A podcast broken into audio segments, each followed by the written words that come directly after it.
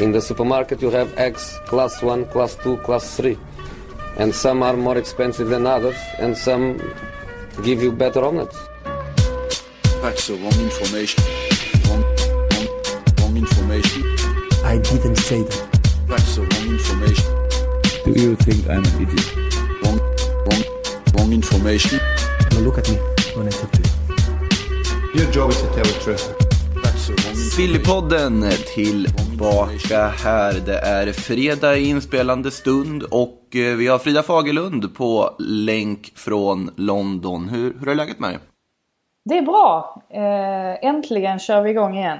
Eh, det känns som att vi poddar varje dag. Men idag, alltså, vi fick lite kritik, eller kritik, men det, det var någon som påtalade det där att det kanske inte är så smart att inleda en podd med att säga äh, det har ju inte hänt någonting. Men idag känner jag faktiskt att det har hänt lite grejer. Eller alltså att Det börjar röra lite mer på sig. Ja men lite roliga saker är det väl.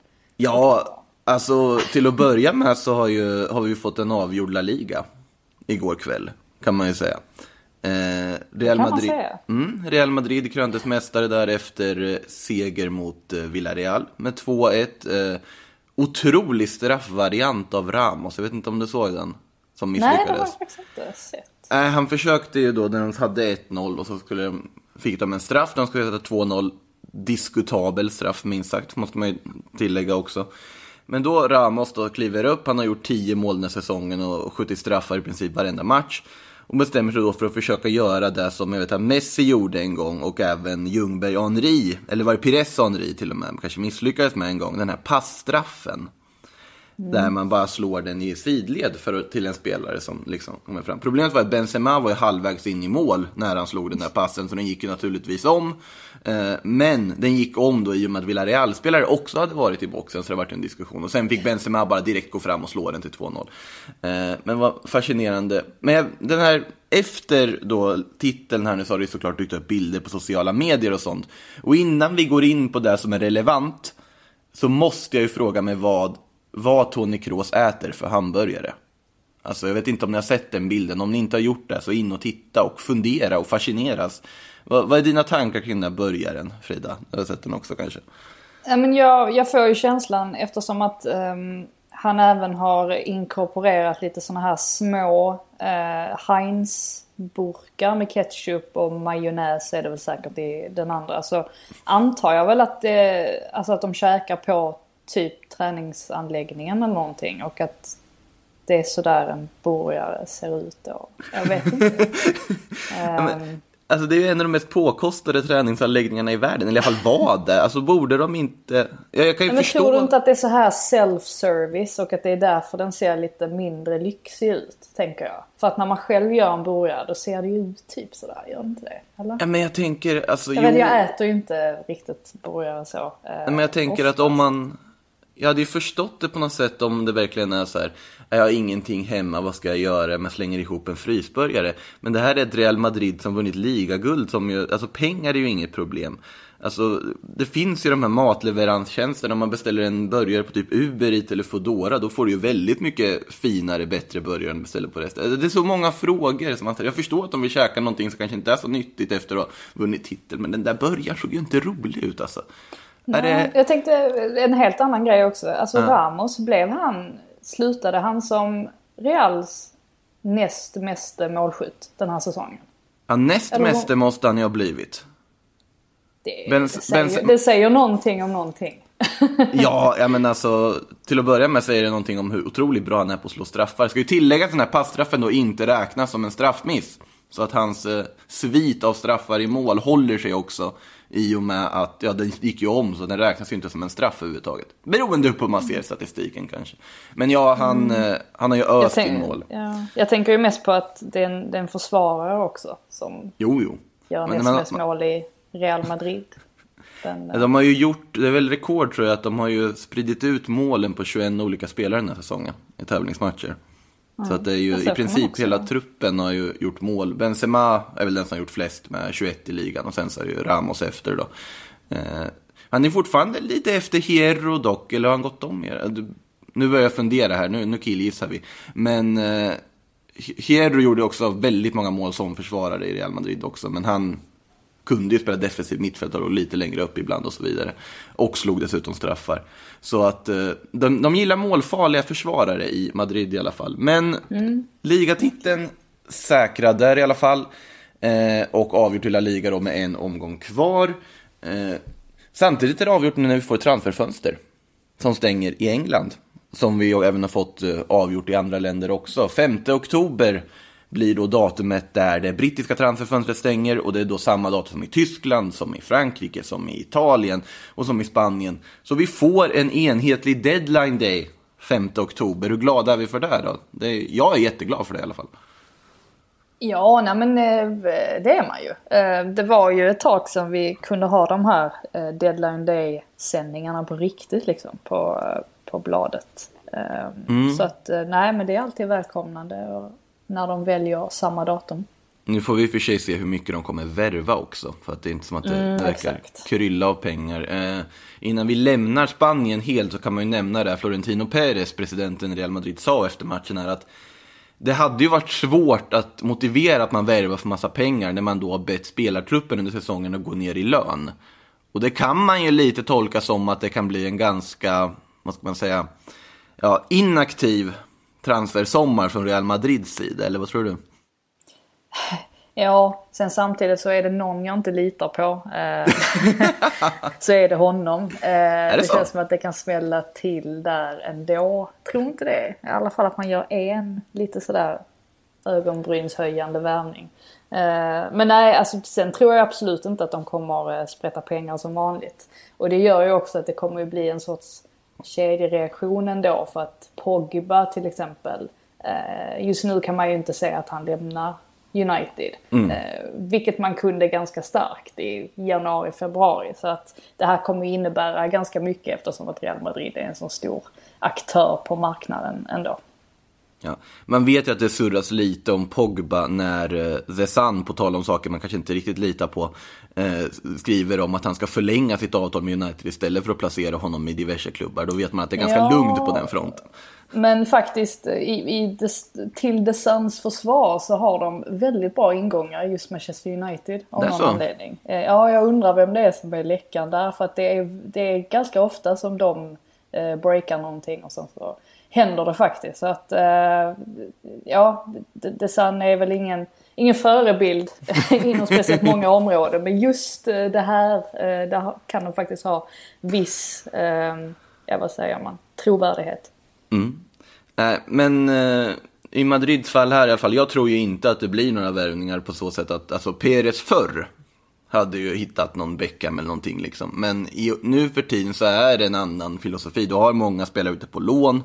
Du har en väldigt bred trupp som det är. Jag tror att man kommer att Alltså bida sin tid, ta det lugnt den här sommaren. Möjligtvis man plockar in någon form av lovande spelare eller hittar någon årets brasilianska talang eller någonting och plockar in pl- plötsligt för massa pengar. Men jag tror inte att det kommer någon ja, supervärvning. Super Havertz ska vi nog inte ens diskutera, tror inte jag blir av. Vilket ju såklart talar för Chelsea, på tal om kedjereaktion för övrigt på Havertz-frågan. Men man vet aldrig, alltså Perez han kan hitta lite mark och sälja och sådär helt plötsligt.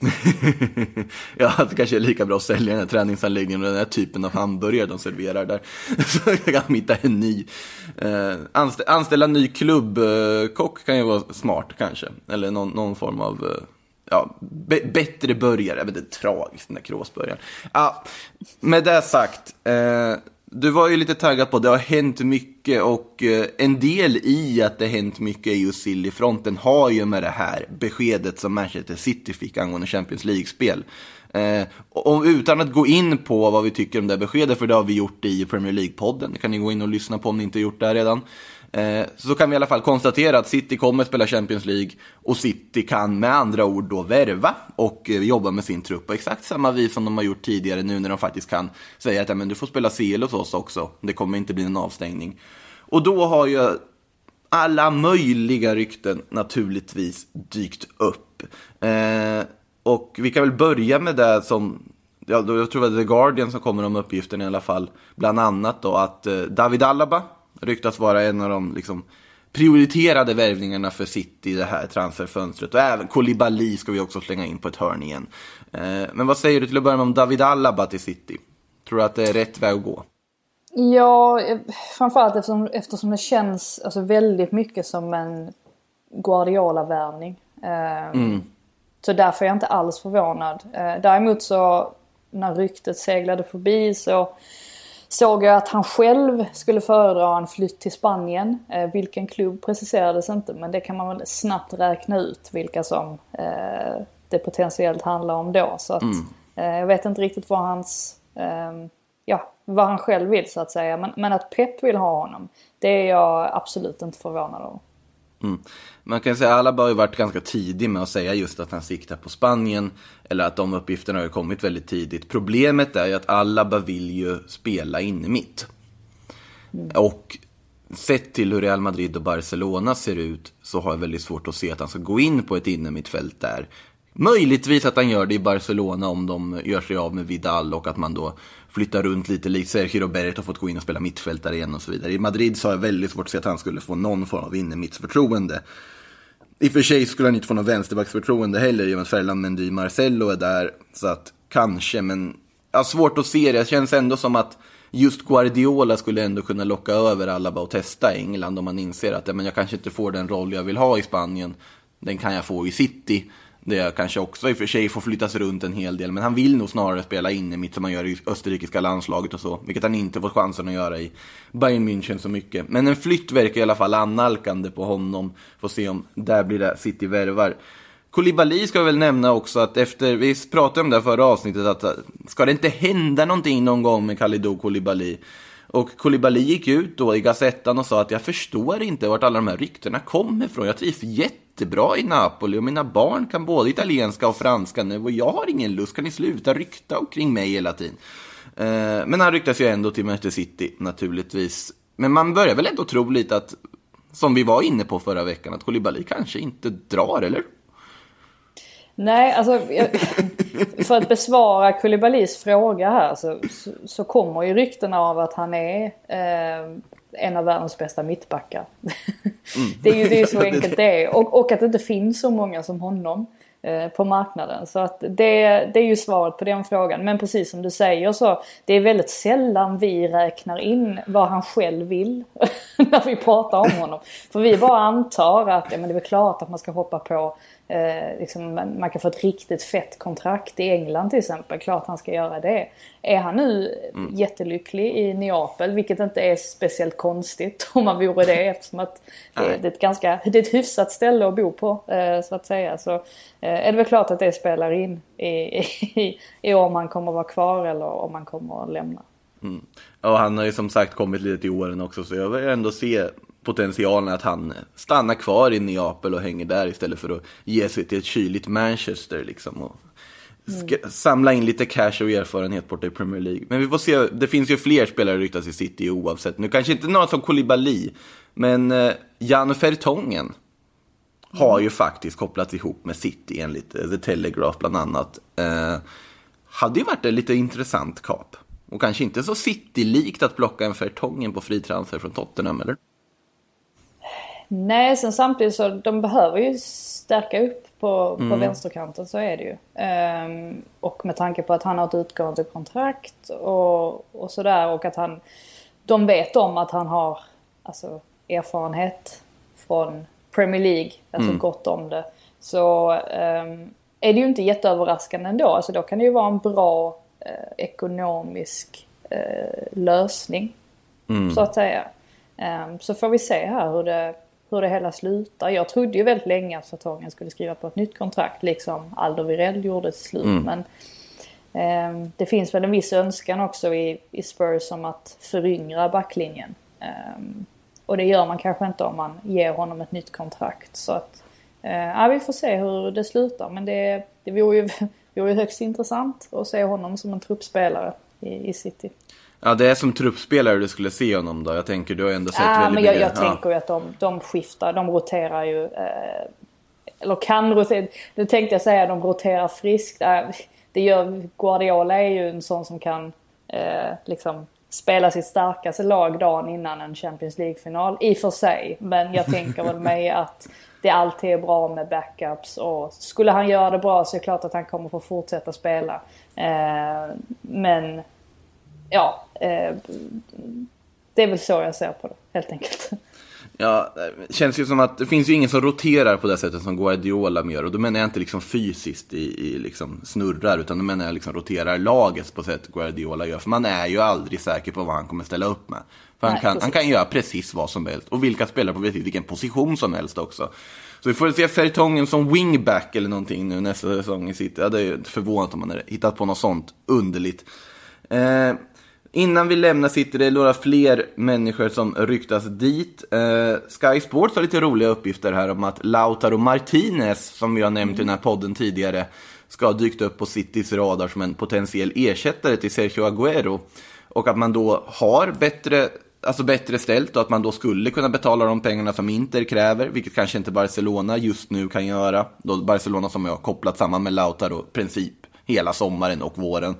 Eh, vad tror du om Lautaro Martinez till City? Det är ju inte riktigt samma spelartyp som Agüero kanske. Samma argentinare och anfallare båda två, men Ja men det, det känns väl vettigt i alla fall, eller det känns väl ganska så eh, självklart att City försöker se sig om efter en ny striker. De vet om att visst, Sergio Agüero blir bara bättre och bättre känns det som för varje år. Men han blir också mer och mer skadad och han kommer ju inte kunna hålla den här högsta nivån hur länge som helst tycker man. Eh, och med tanke på att Gabriel Jesus, att Pep Guardiola inte verkar eh, alltså lita på honom fullt ut heller eller kanske inte har fått så mycket ut av Jesus som han har önskat så är man ju inte jätteförvånad ändå. Eh, nej. så att, nej men jag känner väl egentligen att det hade varit en bra, alltså ett bra alternativ ändå. Ehm, och finns bara pengarna så ser jag ingen som helst, eh, ser jag ingen som helst hinder för att de faktiskt kan alltså knipa honom framför Barca då som sitter med sina problem. Så att nej, nej, det, det är mycket möjligt att det, att det händer. Ja, frågan är ju då om det är någonting man ska göra. Nu är det ju så att det kanske är för sent om man inte gör det den här sommaren i och med Barcelona-intresset. Och att Lautaro också vill till Barcelona. Men i det här fallet är ju frågan, är det, även om det måste ske till att man liksom ersätter Agüero på sikt, är det nu man ska göra det? Det är ju det som är det svåra också. Men det vet man ju aldrig med honom heller. För att som sagt, alltså vi, vi sitter ju, alltså vi har nog suttit de senaste tre åren egentligen och pratat om att Agüero är på väg utför. Eh, Men det händer ju aldrig. Eh, Och sen så när han väl får chansen så visar han, då, då gör han liksom hattrick med eh, Ja, med liksom ett nickmål och sen så ett avslut med högern och ett med vänstern. Alltså han är så... Eh, då visar han helt plötsligt alltså hur, vilken fulländad striker han faktiskt är och att han eh, troligtvis är väl den, den bästa eh, spelaren i Premier League under, under 10-talet var han väl det kanske. Eh, totalt sett så att det är svårt att veta var han står. Eh, men som sagt skadorna avlöser ju varandra lite oftare nu känns det som eh, jämfört med tidigare. Vilket gör att han kommer ju troligtvis inte palla en hel säsong oavsett. Och om vi tänker att Martinez kommer dit då så kan det ju vara skönt också att ha en Agüero framför sig som gör att han istället kan slussas in lite lätt sådär istället för att han sätts ut i, i liksom, säsongens första match och förväntas leverera omgående. Så att ehm, nej, det, tajmingen kan ju vara, faktiskt vara rätt så bra. Eh, nu vet jag inte exakt hur illa det är ställt med Agüero men jag förväntar väl mig att han ska vara tillbaka i september. Ehm, så att, ehm, nej, nej men det är ingen dum tanke från, från City ändå, tycker jag inte. Den eh, av alla värvningar som jag kommer nämna som känns närmast kanske är den som jag tycker känns klokast och det är ju den med Ferran Torres från Valencia. Som enligt Eurosport nu ska vara otroligt nära en flytt till City, att han liksom i princip ska vara överens med dem. Eh, en av Spaniens absolut mest spännande unga yttrar. Eh, ska ju ha haft intressen mot Real Madrid och Atletico, men ska ha tackat nej för att han vill jobba med Pep Guardiola. Det här var ju en värvning som jag trodde skulle ske även om de skulle blivit avstängda från Champions League. Men vad säger du om Ferran Torres? Känns väl som en perfekt ersättare till Leroy Sané om inte annat. Han kostar väl inte jättemycket kan jag tänka mig med tanke på kontraktsläget och så också. Och är ju otroligt lovande. Ja, nej men jag tänkte precis eh, säga det också just med kontraktssituationen där att det löper ut 2021 så har man ju förstås guldläge där att knipa honom. Och så just det också att han är versatile, att han kan spela på både, alltså både till höger och till vänster. Um, visst, Pep har ju lyft fram Foden som en potentiell ersättare där till ja, egentligen både Sané och David Silva. Det är många roller han ska axla. Eh, han, kan, han kan ju också spela på, på många olika positioner. Så att, men eh, eh, det är klart att City kanske behöver stärka upp ändå eh, med tanke på ja, dels då att man har tappat Sané. eh, Men honom har man ju liksom varit utan så länge nu så att man har nästan glömt bort hur det var när han faktiskt spelade. Eh, Men däremot så, alltså David Silva till exempel och sådär. Alltså man, det är klart att man behöver ha in nya, nya spelare. Även om det är svårt att ersätta David Silva just på grund av hans ledar, ledaregenskaper och sådär. Eller ja, att han, att han var eller är Manchester City väldigt mycket through and through. Så att, eller har blivit det i alla fall. Det på finns- sistone. Det finns ju en dramaturgisk logik i det också, att du tog ju in David Silva från Valencia, där han var en av de mest tongivande spelarna, mest lovande spelarna på den tiden. Nu tar du in Ferran Torres, från ett väldigt mycket mer krisdrabbat Valencia ska ju tilläggas, och som kanske inte har bevisat det på samma vis som David Silva hade gjort när han flyttade, men fortfarande har ju visat med de där en mot en kvaliteterna och smartnessen han har, att han är ju redo för att ta nästa kliv och kan bli hur fin som helst i framtiden om, om han fortsätter utvecklas på det sättet han har gjort. Ska bli Men, men blir det en swap deal kanske? på Ferran Torres, ja, vad skulle de skicka till... eh, Nej just det, David, jag menar okej det, det blir ju inga, alltså det blir ju ingen eh, ordentlig swap deal för att David Silvas kontrakt eh, går ju ut. Men jag tänker att Ah, David Silva så. kanske går dit. Och Ferran Torres alltså det blir ju ingen, ja. Ah, men det, det, har, Juridiskt blir det ju ingen eh, swap deal, men nästan. det är ju, det är ju en varit fint. vacker tanke. Problemet är väl, det verkar ju som att David Silva ändå har tittat lite mot det här Qatar-projektet som Xavi sysslar med. Ja, Ja, jag vet. suck Det- säger man ju bara. Suck men, på okej. den. Eh, nu är det ju för sig så att för många, så jag tror att vi kommer få se en hel del spanjorer som går till Qatar så länge Xavi är där borta och så länge den katariska fotbollen jobbar efter den här spanska modellen. För det är ju väldigt mycket spanjorer som är inblandade i hur de spelar, även landslaget och så vidare som är väldigt passningsorienterat. Det är lite, alltså det är ju otroliga Barcelona-tendenser över hur Qatar spelar i liksom fotbollsfilosofiskt pratar jag nu då. Och det har ju med att Xavi har varit inblandad, du har tidigare Barcelona ungdomstränare som jobbar där borta. Det är en attraktiv destination, inte bara på grund av cashen för ja, åldrade span spanska spelare. David Silva skulle ju passa rent fotbollsmässigt perfekt där, men såklart, vi vill ha, Valencia hade varit mycket roligare, men i den statusen Valencia har idag, hur de mår, så jag tror inte Silva hade velat utsätta sig för att gå tillbaka till den klubben med tanke på vad, vad som händer där. Eh, innan vi lämnar City så kanske vi ska ta upp det här också. Spelare på väg ut från City. Ska man väl också nämna. Eh, det här är väl ett rykte man ska ta med en viss nypa salt. Men Le Sport i Frankrike skriver att Bernardo Silva ska vara på Barcelonas. Alltså wanted-list. Eh, vad säger de det? Men det ska då ske enbart ifall Barcelona genomför någon form av stor försäljning. För det ska inte finnas pengar för att plocka Bernardo Silva nu.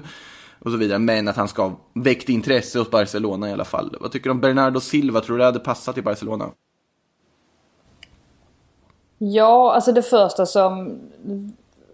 För jag, jag har inte alls sett det här ryktet tidigare. Eh, Men det första jag tänker är väl att eh, Bernardo har väl Mendes som agent va? Han, han är i det här gänget Mendes- kanske va? Ja, och Mendes har ju ganska god relation till Barcelona. Jag bara tänker att det är där... Alltså att det, det är mycket där liksom ryktet har uppstått antagligen. Eh, Jag vet inte alls själv hur Bernardo Silva ser på alltså sin framtid. Eh, Han är i alla fall en oerhört viktig spelare för City. Och har ju varit en, en nyckelspelare under de senaste två säsongerna i alla fall. Så att... ehm, Nej, det vore ju ett, eh, vore ett stort tapp. ehm, för City i så fall. Alltså det är därför jag har ganska svårt att se. Alltså jag har dels svårt att se att de släpper honom frivilligt eh, så att säga. Jag har även svårt att se att Barcelona skulle kunna lösa honom. Jag har väldigt svårt att se att det skulle ske. Också, också med tanke på att du har till och med parametern. Om det sker en stor försäljning. Vad är då en stor försäljning kan man ju tänka sig. Pratar vi liksom miljardklass då. Eh, jag, jag har väldigt svårt att se det nu. Men samtidigt känns Bernardo Silva en så här, till Barcelona rent fotbollsmässigt en sån här övergång som blandade känslor över. För, det ena så känns han, sett till sin spelintelligens, sina kvaliteter som alltså en match made in heaven att gå in i ett Barcelona-lag. Samtidigt så känns han också som att han kan bli en Coutinho 2.0 för att han inte kommer få rätt roll. Eller hitta rätt roll. Nu är ju Bernardo Silva väldigt flexibel, men ja, det, det blandade känslor på den ifall det nu mot förmodan skulle kunna bli någonting. Eh, samtidigt då, om vi tittar på annat topplag i England, nämligen Liverpool, så verkar det ju närma sig lite med Thiago Alcantara. Eh, Bildt har skrivit här, eller rättare Christian Falk på Bildt och har tweetat, om man ska vara korrekt, att eh, Klopp ska ha meddelat Liverpool-ledningen att eh, jag vill ha Thiago. Jag tycker ni ska gå och värva honom. Det man ska tänka på här nu är att det ska ju Klopp också ha gjort med Timo Werner, men det blev ändå inget av det. Nu är ju dock Thiago inte lika dyr. Kanske inte samma hets kring Thiago på samma sätt liksom. Eh, rent liksom prismässigt och Thiago är väldigt uppenbart att han vill lämna också. Vad, vad tror du? Kommer vi få se Thiago i Liverpool förr eller senare? Ja men har det inte, känns det inte som att oss... Ja. Um, mm. Jag vet inte, alltså, jag, jag, tror till och med när vi diskuterade detta som mest för några veckor sedan så mm. sa vi väl också det att eh, den här värvningen känns så icke-Liverpoolsk. Att om den ska ske så måste det liksom vara Klopp som har tryckt på själv. Och, Absolut, och menar ja. att han, han behöver verkligen Thiago eller att han är villig att mm. i princip alltså bygga, alltså inte bygga laget kring honom så men att han i alla fall har, har någon sorts tanke som ja. vi andra inte får ta del av. För att Thiago är ju den typen av spelare som där man behöver en, en ganska grundlig plan. Um, ja, för, för att det ska vara värt att ta in honom så att säga. Så att, mm. eh, ja visst, jag tycker fortfarande att den, eh, alltså att, att den övergången går emot hur man har värvat de senaste åren. Men som sagt, är det så att Klopp vill ha honom, ja då tror jag nog att han kan få honom. För att så fasligt dyr är han ju inte faktiskt. Nej, han har ju också, det är ju ett kontraktsläge även där. Och dessutom vill han lämna. Eh, så att det, det, kan ju mycket väl, det, alla rapporter i Tyskland tyder ju på att han kommer att dra från Tyskland. Och då är det ju Liverpool som känns närmast. Det är svårt att att han skulle tacka nej till det.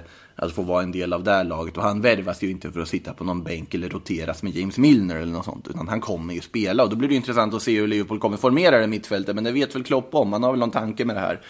På ett eller annat vis. Vi får se hur han resonerar. Eh, samtidigt någon som åker från England till Tyskland istället, också inne mittfältare.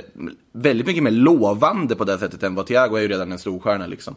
Eh, Jude Bellingham uppges nu i princip vara klar för Dortmund enligt trovärdiga uppgifter rättare sagt. Och eh, Fabrizio Romano och The Guardian-gänget där.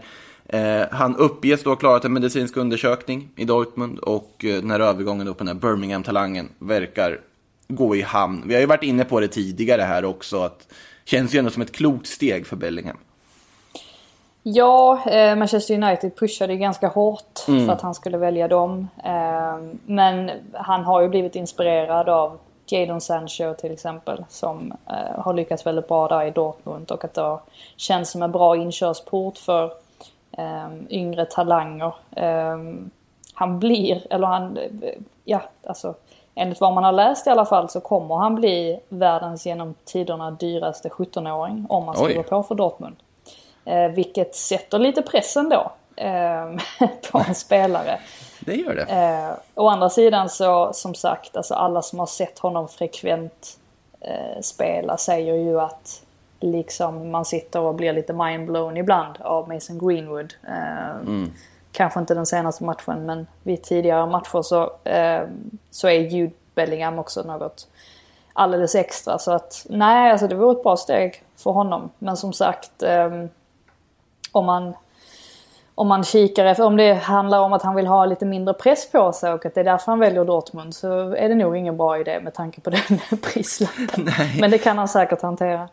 Ja, det måste han ju kunna göra för att liksom nå de allra högsta. Det, det, är lite kul att se också att det till slut kommer nu en engelsk supertalang som inte är en snabb offensiv spelare alla Greenwood, eh, Sancho, Rashford och så vidare. Nu har vi Det, det är liksom en mitt inne mittfältare. Det känns som något som inte riktigt dykt upp på samma vis. Det ska bli jättespännande att se vad Bellingham kan hitta på. Om det nu blir Dortmund, vilket det verkar bli. Eh, vi ändå, du nämnde United där, så vi kan gå över till dem också. För att eh, de ska göra sig av med lite spelare för att bygga på sin transferkassa inför sommaren, sägs det. Eh, Telegraph skriver att Alexis Smalling Rojo Rojo visste inte ens att jag tillhörde United fortfarande. Jag vet, han kanske är på lån. Eh, Det är rätt många sådana spelare där man hajar till ibland och tänker att oj, vad hände Ja, här? då, då vill jag ju ändra mig. Jag tycker man ska behålla Rojo. Men i alla fall. Phil Jones, Lingard och Diogo Dalot ska de tänka sig göra sig av med. Det känns väl allihopa som spelare man logiskt sett borde göra sig av med, eller? Alltså jag blev ju lite förvånad när jag såg att Fosu Mensa var i startelvan mot Crystal Palace. För att det indikerade det? ju verkligen att, ja det, och det indikerade ju att Dalot definitivt är på väg bort. Mm. Solskjaer fick någon fråga också tror jag om detta. Alltså varför han valde Fosu Mensa som inte hade spelat en match på flera år. Eh, I princip. Eh, och då sa han att han bara hade, alltså i träningsmatchen de hade spelat och även på träningarna så hade Fosu Mensa liksom visat vad jag antar var bättre tendenser eh, än de konkurrenterna som fanns. Nu var det ju så att, alltså det ska man ju tillägga att både Luke Shaw och Brandon Williams fanns ju inte tillgängliga så att det var ju därför eh, han fick chansen. Nej men som, som sagt så att det, det visar ju att Dalot eh, uppenbarligen inte har någon plats där. Eh, eller antagligen. Och resten är ju så här. Ja Lingard har ju fått. Han har ju fått sina chanser. ehm, Det visade ju. Det var ju inte jättelänge sedan som han liksom var inne i ett verkligt stim och man tänkte att oj den här spelaren har man verkligen haft fel om. Men den här säsongen har han ju inte alls varit lyckad. Ehm, Och resten är ju, där vet vi ju redan situationen. Det enda är väl där med Smalling egentligen för att Han har Smalling har ju faktiskt bra. gjort en bra, ja han, varit har gjort en bra säsong. Så att, men där vill väl Roma köpa loss honom också. Och då är det väl också Mm. så att United, med tanke på att de kan titta på andra namn, vill ändå casha in på något sätt. Om Roma kan få upp pengarna helt enkelt. Ja men precis och han, eh, ja, han verkar ju trivas väldigt bra där också. Eh, Mm. Det kanske är ett, en, en lite bättre nivå för honom eh, ändå. Mm. Jag tänkte på Diogo Dalot att eh, om han nu lämnar United den här sommaren så måste ju hans största gärning i United-tröjan ha varit att se till att akklimatisera Bruno Fernandes till livet i England. För han gjorde ett jättestort jobb där och tog jätteväl hand om Bruno när han kom dit och liksom på olika sätt hjälpte honom. Och det, det verkar med tanke på hur det har gått för Bruno Fernandes känns det som en ganska stor gärning för Uniteds framtid. Nu får vi se om... Ja, nu har ju faktiskt Bruno varit lite... han har inte varit... eh, jag tänkte säga att han har varit lite hängig de senaste matcherna men han har inte varit riktigt lika eh, bra eh, de senaste två matcherna så han börjar kanske bli lite sliten han. Han är Han orolig för också. att Dalot ska lämna. Ja, Men, kanske. kanske. Nej, nej. Måste också fundera, alltså, visste inte ens att Fosu Mensa fortfarande var i truppen? Jag trodde han var utlånad till Championship eller någonting, som alla andra unga. Ja, nej, det, han dök upp. Han dök upp från ingenstans igen. Kul för honom! Ja, verkligen. Han Eh, gjorde det ganska bra också kan man Ja. tillägga. Eh, alltså han gjorde inte bort sig i alla fall. Eh, så utifrån vad man hade förväntat sig så var det helt okej. ja. Vad tror du om Jeff Hendrick då? Skulle han göra bort sig i United? Det, det här är ju ett rykte man ska ta med extremt stor skopa salt. Du kan behöva helt saltkvarn och- eller, saltgruva för det här. Men Daily Star skriver i alla fall att Jeff Hendrick ska vara aktuell för en fri transfer till United. Burnley-mittfältaren som vars kontrakt går ut. Det känns Ja, väl jag, inte tror, jag, trodde att han, jag trodde att han skulle gå till Milan. Det var ju hur mycket snack som helst om det. eh, Jeff några till. Milan? Ja, ja. det det om var, ja, det var mycket snack. Ehm, och och det, det tyckte jag lät spännande för att jag vill, ville definitivt se Jeff Hendrick i, i Serie A. Ja, men det där är ju en sån situation där Burnley ehm, har strulat till det för sig själva. Ehm, de hade ju behövt ha honom kvar.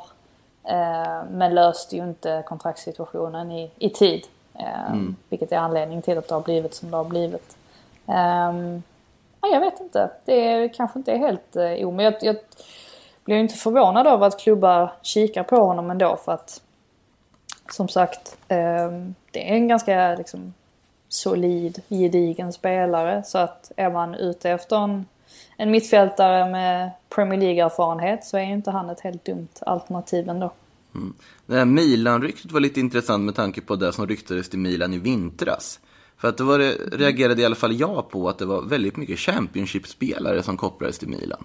Från ingenstans. Matty Cash, bland annat i Nottingham Forest, kopplades jättemycket med Milan och var nära en övergång och sånt. Och så var det någon lirare i, minns jag inte om det var, vad det kan ha varit för klubb, var det Wigan kanske? Eller West Brom? Ja, någon, någon spelare till var det, men det var väl flera Championship-spelare som kopplades till Milan. Nu undrar jag vad, hur plötsligt Championship blivit ett liksom skyltfönster för Serie A-klubbar, för det har det ju aldrig varit tidigare på det här sättet. Lite intressant hur det där skiftar, att man börjar titta på även på Championship också, för utanför England. Men det gillar man ju ändå på något sätt. Alltså man gillar ju när det blir lite sådär... Eh, ja men det är samma som att vi har sett lite fler engelsmän i Serie A. Alltså de, det senaste året eller de senaste åren. Alltså det är ju det är lite uppfriskande att de också kan leta sig utanför de brittiska öarnas gränser. Liksom. Man kan ju dra en parallell till eh, Sunderland till I Die-serien där när eh, Josh Maya gick till Bordeaux från League One och Sunderland också. Så inte, han har gjort det ganska bra som jag förstått det borta i Bordeaux. Dessutom, om jag inte är helt ute och cyklar här. Eh, i alla fall, vidare då, eh, innan vi lämnar United så kan man väl ta upp eh, Independents uppgifter om att Paris Saint-Germain har hittat sin ja, prioritering inför transferfönstret, vad de vill värva eller vad Thomas Tuchel vill värva. Och det ska vara Marcus Rashford från United som då har en prislapp enligt uppgifterna här på 1,1 miljarder. Ska vi bara stänga det ryktet och säga att Rashford kommer väl inte gå till PSG, eller? Nej, det, det, det kan jag... Alltså det, det är en sån där övergång som, alltså skulle det där hända så, ja, nej, då hade liksom världen varit upp och ner. Ehm, och det här räknar man ju givetvis, givetvis in då att alltså dels baserat på den ställningen han har i, i eh, United just nu. Um, Solskjaer håller honom väldigt, väldigt, väldigt, väldigt högt. Eh, och dessutom då att han liksom är Manchester United through and through.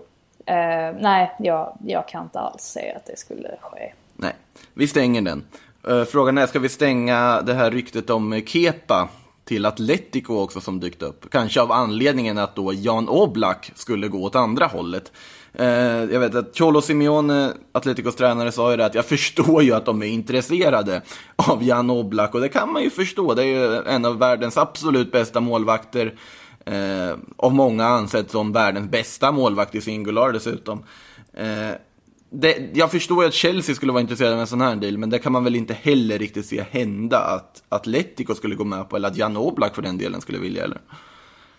Ja, men jag vet inte. Jag tycker inte att det är så... ehm, det är inte konstigt i alla fall att ryktet dyker upp. Nej, nej. Ehm, och... Ja, jag vet, det beror ju helt på alltså, vad hans, hur hans tankar själv går ju.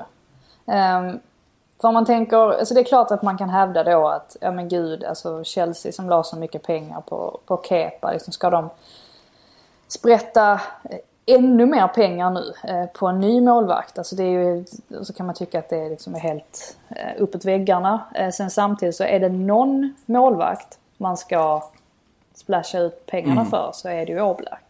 Ja. Det är inte många målvakter som, som man liksom kan tänka sig att öppna plånboken för på det sättet. Och jag tror inte att Kepa, alltså Kepa är ingen dålig målvakt egentligen. Det är bara det att han har vissa brister som, som gör att, alltså som, det, det, det blir lite för... ehm, Alltså har, har han en, en lite sämre försvarslinje framför sig så, så kan han inte, han kan inte reda upp det på egen hand. Och det är ju den typen av målvakt som Chelsea behöver. Lite grann. Då- Då är det ju Oblak eller Ter Stegen typ. Och Ter Stegen Ja, är ju out of the question. Oblak skulle jag ju säga är out of the question egentligen, men alltså det har ju hänt konstigare saker.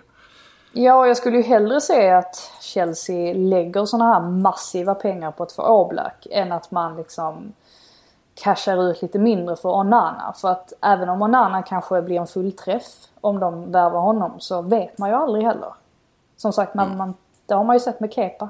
Ja men precis. man vet aldrig hur de kommer att klimatisera sig och hur det kommer att bli i slutändan. Ja, Jag är väl fortfarande för det här med tålamodet, även om många Chelsea-supportrar är frustrerade över att ha just tålamod med Kepa i och med att det verkligen inte ser ut att bli så mycket bättre överhuvudtaget. Men jag tror ändå att där finns det någon, någonting du måste ändå Börja med att sätta försvaret framför honom och sen om det fortsätter att läcka som ett såll ändå så ja, då, då kanske det bara är att acceptera att ah, vi investerade fel där, vi får försöka ersätta. Men jag tror Mm. inte att den tiden har kommit än. Nej, precis. Och på tal om spelare som har varit lite sådär. Nu, nu hyllade jag ju, alltså när vi pratade om Bernardo Silva där. Så hyllade jag ju honom jättemycket under den här säsongen. Eller att sa att han hade varit nyckelspelare under de senaste säsongerna. Alltså den här säsongen har ju Bernardo Silva också liksom vacklat lite. Eller han har inte varit den spelaren vi såg förra säsongen. Nej. Eh, Men jag tänker mig väl lite också att det där är någonting som kan hända. Vi vet ju inte vad som pågår i deras liv. Alltså vad som Men sker precis. utanför fotbollen. Jag Precis. lyssnade på en, ehm, på en intervju med, med Solskjaer där, just där han påtalade det att hur vi inte fattar det oftast, eh, alltså alla vi som följer fotboll, att fotbollen är en sån himla liten del av en spelares liv. Alltså att det handlar om, alltså själva matcherna är kanske 5% och allt som sker runt omkring, allt som sker i privatlivet. Det, det är klart att det påverkar hur en spelare eh, beter sig ute på plan, alltså och hur, eh, ja, hur väl ifrån sig de gör också. Så att eh, sådana saker kan, men man vet inte vad som sker med Kepa. Alltså han kanske har superproblem utanför planen som vi inte, vi inte har en aning om. Han kanske inte trivs i England. Alltså vi, vi vet ju inte. Eh, så att nej, det är alltid många faktorer som kan spela in i hur, hur väl en spelare presterar. Man får påminna sig själv om det ibland. Mm. Eller det här klassiska jämförelsen man brukar dra som många säkert har gjort innan mig också är att de, det är ju deras jobb och tänk om vi liksom på vårt jobb skulle bli toksågade för varje litet misstag. Jag skriver ett typo i en text. Fast, fast det gör vi ju. Eller vi blir ju sågade för varenda vi, liten vi för sig misstag. blir ju det. Nu när du säger- ja, men vi får inte rubri- det är inte som att vi skriver rubriker om oss själva, liksom, eller liksom att konkurrenterna Nej, skriver. fast, fast man får ju ändå höra ett par gånger i veckan i alla fall hur värdelös man är. Så att det är ju, det är ju lite så, eh, ja. eh, vi, vi förstår ju lite grann kanske, alltså det är ju inte Ja, ens en jo. promille av vad en fotbollsspelare Jo, får ta för ju- skit. Men, Just vi kanske, men jag, tänk, jag tänkte mer typ om du jobbar på ja, om du, du, får, du får skit på ett annat sätt. Kan man du, jag, säga. tror att, jag tror att man får skit i de flesta branscherna. Det är bara synd att vi inte kan påminna oss själva om det. Att, att alla, alla gör bara sitt bästa oavsett om man sitter i kassan på ICA eller om man jobbar som journalist eller om man spelar fotboll. Oftast gör man så gott man kan. Vi borde Mm. vara lite snällare mot varandra överlag. Håller helt med. Eh, ska vi gå vidare till Wilfred Zaha utifrån det? Det var en ganska usel segway för övrigt, det hade inget med någonting att göra.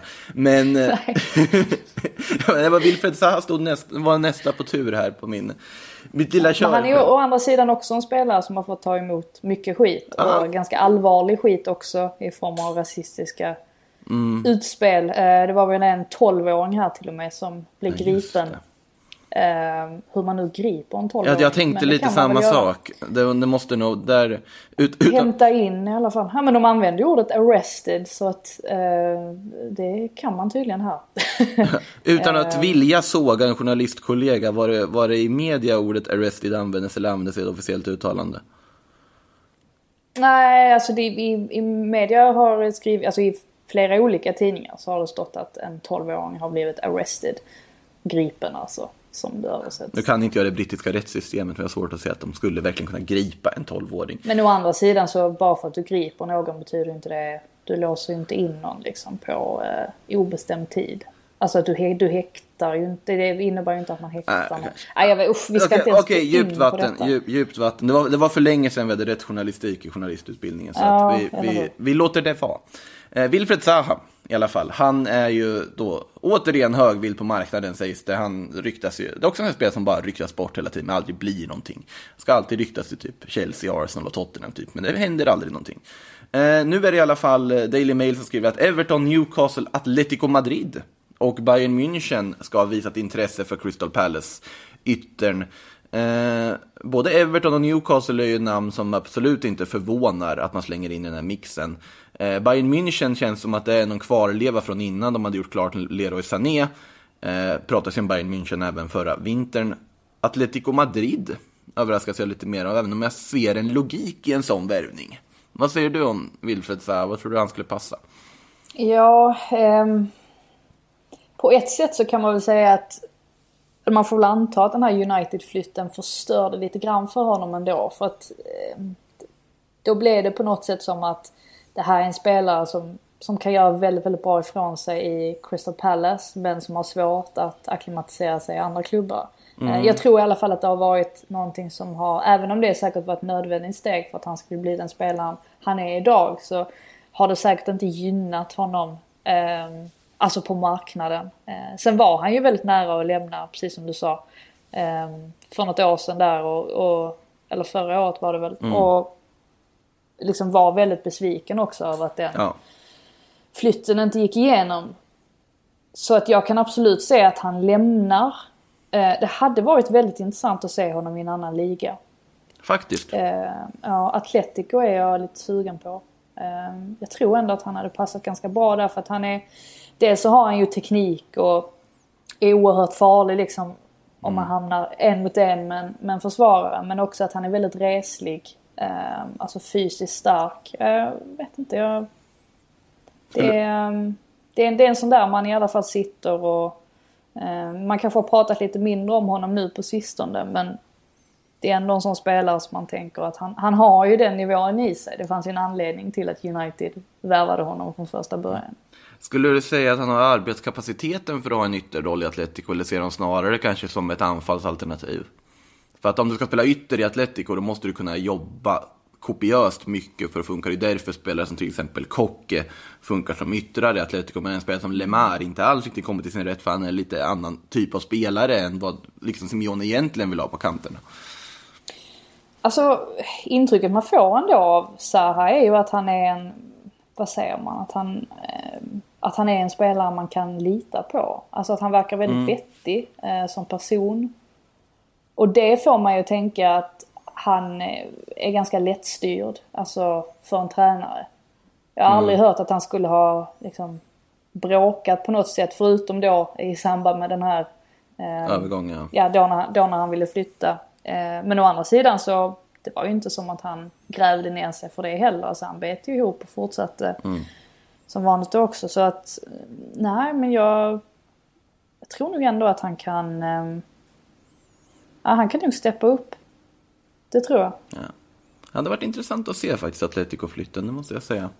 Eh, vidare, eh, vad säger man, Victor Simen? han verkar allt närmare Napoli i alla fall, Lills unge lovande nigerian. Sportchefen i Lille har väl mer eller mindre bekräftat att man har kommit väldigt långt i förhandlingarna här med Napoli. Pratades ju om att Tottenham skulle in och hijacka den här dealen en liten period också i vissa medier. Men det verkar bli Napoli trots allt. Eh, känns ju, jag tror vi var inne på det i något annat avsnitt också. Avsnitten flyter också ihop precis som fotbollsmatcher. Ja det gör verkligen Men det. eh, de gör ju det. Eh, men, och Simen känns ju som en klockren förstärkning. Sen får man ju se vilken roll han skulle ta i Napoli här nu när du redan har du har ju för en åldrade Mertens, du har en In- Insigne och du har Callejon som antagligen kommer lämna i och för sig och Milik. Ja. Det, det känns ändå som en klok förstärkning, en spännande förstärkning för Napoli, även om det pratas om ganska höga summor också. Ja, vad hände med honom när han var i Wolfsburg? För då var det väl ganska mycket snack om honom. Alltså Ja, att, han var, fråga. att han verkade vara en, liksom en lovande spelare. och Det är ju främst i, i Lille som man liksom har slagit igenom på allvar känns det som det borta i Frankrike. Även om man har varit lovande ett tag. Så är det ju nu Ja, liksom ja, gud, kvaliteterna som gör att stora klubbar tittar på honom. Eh, Ja precis, jag minns bara att det var en del snack om honom då men att det inte föll speciellt väl ut. Um, kändes lite grann som att Wolfsburg typ gav upp. Om Nu är han ju bara 21 också så det finns ju tid liksom att det ska falla väl ut fortfarande för honom. Om vi säger så. Ja, nej men absolut. absolut. Eh, vad säger vi om Emi Buendia då? Nu när Norwich åker ur. Han ska ju ha lockat intresse från Spanien i alla fall. Där Atletico återigen. Och Valencia är bland klubbarna som uppges intresserade. Men Buendia själv har ju sagt att han trivs i Norwich. Men han kan väl inte gå med dem till Championship, eller? Han är väl för bra för det? Nej, alltså egentligen så det jag tycker talar mest för att han inte kommer följa med dem ner i Championship det är ju den här situationen han har haft med Farke under säsongen.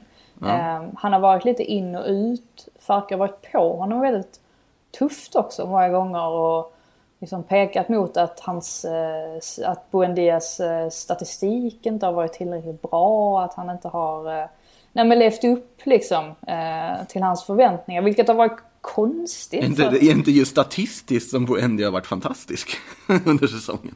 Ja, nej men det, det, då vet jag inte vilka områden Farke sysslade på. eller Jag minns inte, det var så länge sedan. Eh, Vunna luftdueller. men men det, var, det var ett uttalande i alla fall. Han sa, Farke sa det här på en presskonferens också. Jag vet att, att eh, många var lite förvirrade av det. För att visst, alltså då befann sig Norwich. Det var då det började dala lite för dem. Men Buendia hade ju varit helt fantastisk. Alltså första halvan där av hösten. Eh, eller höstsäsongen. Så att nej, jag, blir, jag blir inte förvånad om han lämnar. Och dels också för att alltså nu är inte Norwich i något jättebehov av en massa pengar. Men om det är någon spelare man ska casha in på så, så är det ju honom. Alltså där man faktiskt kan ta ganska rejält eh, betalt. Alltså det är ju han och Cantwell och Aarons väl där man ser Ja. att det kan bli ganska höga summor. Eh, nämnde jag Valencia var en av klubbarna som var intresserade och ska ju nämnas att i Valencia så det pågår ju konstiga saker. Eh, nu är det så lagkaptenen Dani Parejo ska ha fått inför, eh, tror det var matchen mot Leganes förra omgången, inte den som spelades nu igår. Där inför den så ska Parejo fått höra i princip att "Nej, men du ingår inte i våra framtidsplaner. Och där är lagkaptenen som ändå Ja, han har ju blandat och gett som Parejo gör. Han är väl vår tids Goti på det sättet att han kan vara helt gudomlig i vissa matcher och sen bedrövlig i andra. Eh, nu, ingen jämförelse i övrigt där, för Goti är ju världens genom tiderna bästa fotbollsspelare enligt min högst subjektiva åsikt. Men Parejo i alla fall. Sevilla intresserar sig för Parejo och det säger väl, utan att gå in närmare på det, så säger väl det det mesta om hur illa ställt det är i Valencia. Att det ens är aktuellt med en sån övergång. Fascinerande om den sker, kan jag säga. Och eh, innan vi går in på lyssnarfrågor, eh, Mavropanos Frida. Förlängning med Arsenal. Hur, Nu kommer han. hur har du firat? Eh, det är kul att det här har blivit min gubbe som man brukar säga. Eh, men, men jag har ju, för de som inte känner till alltså, the background story så eh, var ju Mavropanos eh, en av Miss Lintats slash eh, Wengers sista värvningar där. Som man hoppades liksom skulle lösa några problem i alla fall i Arsenals backlinje. Blev ju inte riktigt så men har å andra sidan gjort en, en ganska bra eh, säsong här uppenbarligen. Eh, vilket och har ju liksom belönats då med, han var ju i Stuttgart precis som du sa och har ju belönats här med ett nytt kontrakt så att Även om det kanske inte blir någon sådär jättesuccé i Arsenal så kommer man väl kanske kunna få lite betalt för honom i alla fall. Så småningom om han fortsätter utvecklas. Så att eh, jag tror fortfarande på, på Dinos. Han ska ju på lån till Stuttgart igen nu här också. Sen, sen ska jag väl inte för att eh, Precis. grusa förhoppningar här, men att förlänga med Arsenal betyder ju inte nödvändigtvis att du har gjort en bra säsong eh, med tanke på vilka andra de har förlängt med.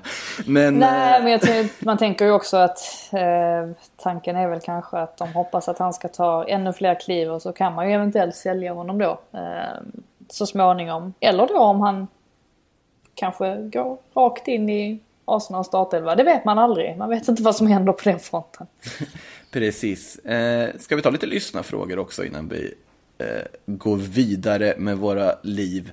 Eh, Johan Zetterblom frågar, Arteta går öppet ut och talar om det alla andra ser och att mycket pengar behövs för att Arsenal ska nå toppen igen. Han har ju varit ute då och sagt att vi har inte så mycket pengar liksom värva för. Lite oroad över det, oroad över skattkistan man har att jobba med den här sommaren. Gör han det för att han blivit lovad något vid anställningen eller bara för att sätta press på kronkesgubbarna? Och eh, Zetterblom undrar även vad som händer med Arsenals målvaktssituation nästa säsong, för det lär väl inte Martinez vara okej med att vara andra målvakt. Om vi börjar med eh, skattkistan, vad tror du om den? Finns det, är det ett sätt att sätta press från Arteta eller är det en genuin förundran över vart är pengarna?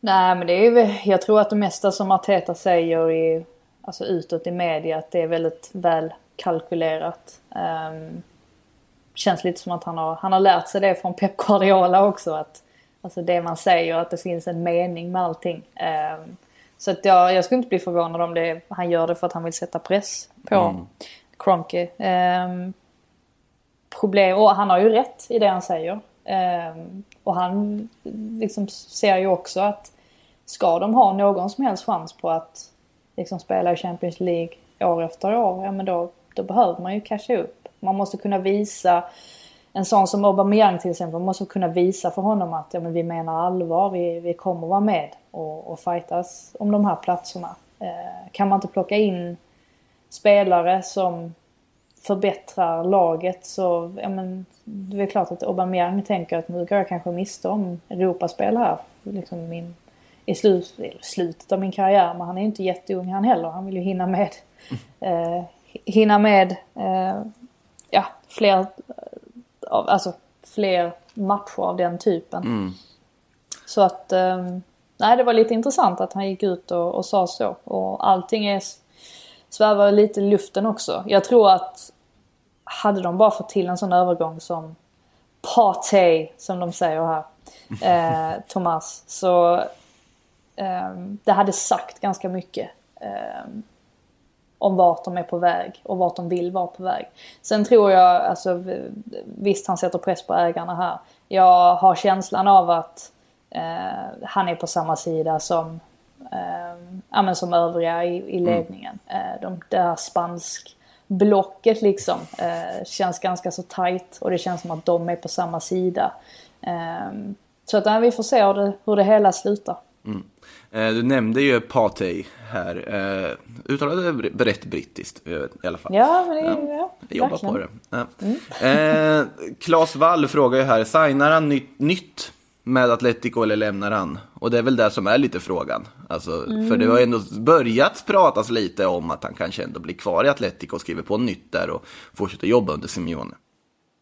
Ja, men han vill väl, alltså jag tycker att det mesta har, har pekat mot att han själv vill till England. Jag, vissa saker han har sagt i intervjuer och hans pappa har ju också varit ute och sagt en massa saker. Det är alltid ett bra eh, sätt att gå via föräldrarna för att många föräldrar fattar ju inte att liksom, det de säger det kanske inte är så smart att säga allt eh, i media. Eh, men jag tycker att det indikerar att han vill hit. Så att ehm, jag tror nog att de kan få till den men det, det är säkert pengarna där också som är problemet. Ehm, skulle jag tro. Eh, Valen frågar, vad kan Levi masterclassa sig till i utbyte mot Cessignon som Barca ryktas ögonen på? Älskar det ordet masterclassa sig till. Det tyckte jag var fint. Eh, men ja, Cessignon, kan de få en Coutinho? Cessignon plus cash. Vill Alltså, de ha en hade inte, Coutinho? det, det hade inte varit dumt alltså. Ja, men vill de? Eh, ja, varför skulle de inte vilja ha det? Åh. Hur bra är, behövs Coutinho där? Kanske han gör. Jag vet inte. Men jag tycker Coutinho, jag kan se honom som en... Eh, helt sjukt att vi fortfarande pratar om Christian Eriksen, men det måste vi ju göra för att alltså, han, han saknas fortfarande. Eh, nej, men jag kan se honom som en Christian Eriksen-ersättare. Att han alltså, har en liknande roll där som... Ja men vi såg ju Klopp, alltså, som kunde använda honom på lite olika sätt där på, på mittfältet. Så att... nej, jag tycker att det hade varit en jättebra värvning för... eh, Jag- En upgrade om inte annat. Jag ju lite tvivel att dra honom för långt ner i banan centralt med tanke på att Barcelonas tanke när de värvade honom var att han på något sätt skulle ersätta Iniesta. Men han funkar ju där i Liverpool. Ja, fast i Spanien gjorde Ja, kanske han skulle göra det i England bättre då, men lite mer uppskjuten roll då. Ja, nej men absolut. Det hade ju för sig Eriksen ligga- också, ska ju Ja, ja exakt. Alltså han ska ju inte ligga... Det, det är det man har wings till och, och de här liksom Cissoko. Han ska ju ligga lite, lite längre fram. Men Mm. jag tror att det hade varit en bra eh, värvning för Tottenham. Måste ju nämnas också att det ändå dykt upp uppgifter om att Eriksen är på väg bort från Inter redan efter ett halvår också. Eh, Så jag tror nog att han blir kvar där och att hans eh, aktier inte är lika starka som när den där Interflytten blev av efter ett ganska tufft halvår där i, i Milano. Eh, se, Victor Jonsson frågar vart hamnar Shakiri? Svårt att se att han blir kvar i Liverpool. Ja, det har man väl svårt att se i dagsläget. Ja, det är ju problemet där om de kan få betalt för honom nu. Alltså Mm. så som tiderna är. Ehm, eller om han blir kvar ett tag till och sen så säljer man honom så småningom. Uh, Nej, han har inte riktigt fått, det har inte blivit så som det var tänkt. Ehm, just för att han inte riktigt går in i, i sättet de spelar på just nu. Ehm, så att det finns ju, det finns ju naturliga, naturliga förklaringar. Ja. Eh, kan tänka mig att han flytt, testar lyckan i ett annat land än England i alla fall. nu, om, det, om möjligheten finns. Jag tror att han, han vill nog ha en ut, liksom, utmaning. Det hade inte varit kul för honom att typ gå till ett annat sämre Premier League-lag kan jag känna. Utan passa att testa på, testa vingarna liksom. Spanien kanske, hade varit roligt att se. Eh, Gustav Stenqvist frågar Coventry upp i Championship. Vilka allsvenska spelare skulle klara av att ta upp laget i PL? Eh, ja, så den om man direkt tänker är väl typ någon sån här Anders Christiansen eller Sead Aksabanovic eller något sånt där. Men eh, svårt att se att Coventry skulle locka så pass för dem. Eh, har du någon? Ja, det vet man aldrig. Ja. Jag tycker jag vi säger varje år liksom och sen så slutar det ändå med att typ det allsvenska laget som toppar tabellen tappar sina bästa spelare under sommaren. Alltså Norrköping har ju ändå varit utsatt för det här ganska många gånger ändå. Mm. Att de har sett rätt fina ut och sen tappar man liksom en spelare som ja, med Eliasson till exempel till Championship och sådär. Man är inte helt främmande för det. Fast den säsongen Eliasson gick så var man ju inte med i en guldstrid på samma sätt som nu. Så jag tror att där Nej kan men det är ju för att. Norrköp, Norrköping kan ju sällan vara bra över ett helt år. Antingen är de bra på våren och så är de lite sämre på hösten. Eller så är de bra på hösten och sämre på våren. Jag tror det året Eliasson lämnade, det måste ha varit det året de till och med förlorade mot, eh, Trelleborg. Ja, det var 2017 var det, vet jag. Jag kan vara ett år för långt bak i tiden. Ah, ja, det spelar ingen roll. Oavsett. Men. Eh, nu när du nämner Norrköping där så kan vi ju faktiskt ta vår eh, poddkollega kan man säga, Marcus Tappers fråga. Ganska irrelevant egentligen, men eh, Hej, Linus Hallenius, som är klar för Norrköping, berättade i en gammal faktaruta att han kallas Örnen med motiveringen jag flaxar en del när jag hoppar. Och då har han två frågor. Skulle ni säga att man förknippar just örnar med att flaxa? Och är inte höna ett bättre smeknamn? Eh, Varför skulle man inte förknippa örnar med att flaxa? Ja men örnar glider ju. Alltså de har ju liksom, vi- vingarna ligger ju ute Men de måste ju flaxa ibland. Annars de kan ju inte bara... Fast, Ibland alltså, flaxar de ju flaxa låt- till. Liksom. Ja men alltså när de ska starta upp liksom och fly, börja flyga, naturligtvis så flaxar de till dem. Men de där flaxningarna med så stora vingar blir ju liksom lite mer majestätiskt för att kalla det flaxa. Men ja, men, men han, han vet ju redan svaret på den här frågan. Det är ju för att Linus Hallenius vill låta cool eller att andra snarare är rädda för Linus Hallenius. Vilket jag också hade varit om jag hade spelat i samma lag som honom. För att det finns ingen människa som är så... Alltså han... han eh, det är sällan han ser ut att vara jätteglad eller jättenöjd med livet. Alltså han är ju, han är väldigt sådär... Eh, eh, ja, seriös. Och ganska nedtonad. Och, så jag hade inte vågat kalla Linus Hallenius för en höna. Nej, Det är det, klart att man kör på örn då. ja, alltså om man ska välja någon fågel så ligger ju örnen nära och kondoren om man skulle dra något sånt, då måste man väl ha vissa sydamerikanska rötter eller liksom nordamerikanska för att det ska passa perfekt. En örn finns ju ändå i Sverige liksom. Det, det, kan ju, det behöver inte vara en sån här amerikansk vithövd utan en örnen är väl, jag tycker ändå det funkar. Eh, alltså det är fågel som fågel, säger vi till Marcus. Fågel som fågel. Eh, Ja, så är det med det. Eh, vi tar väl helg med det, tycker jag. Eh, mer fotboll att titta på i helgen om inte annat. Ja, i alla. Ja, det är fotboll hela tiden. Det är Det det och det är ju podd. Ja, och det är poddar hela tiden från oss också, vilket innebär att vi får prata oftare, tycker jag är oerhört trevligt. Så vi allihopa hörs nästa vecka igen. Ha det gott tills dess. Som är queer. No eggs, no hornets. Som är queer.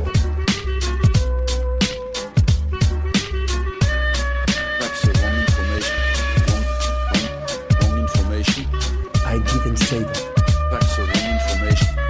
You think I'm an idiot.